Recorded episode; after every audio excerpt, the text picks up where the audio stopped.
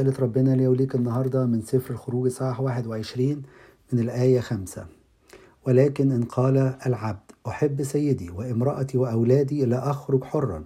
يقدمه سيده إلى الله ويقربه إلى الباب أو إلى القائمة ويثقب سيده أذنه بالمثقب فيخدمه إلى الأبد. كان العبد العبراني زمان يخدم سيده لمدة ست سنين وفي السنة السابعة يبقى حر.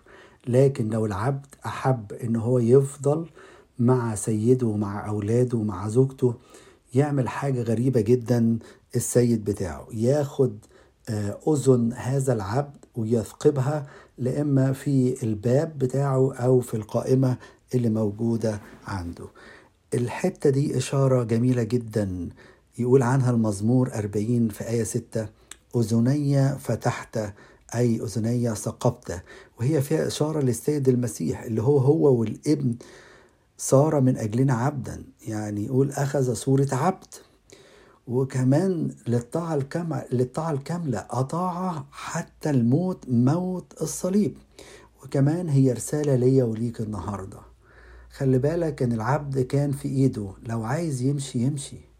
وربنا مديك الحرية ديك. ونشوف الحكاية دي بردك في مثل الابن الضال.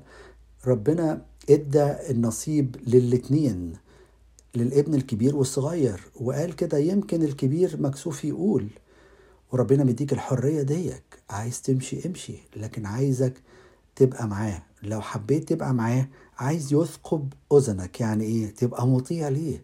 تطيع تطيع الوصية. ما تقعدش نناقش في الخطأ في الوصية ونقول الوصية دي صعبة والوصية دي سهلة تبقى طاعة طاعة كاملة.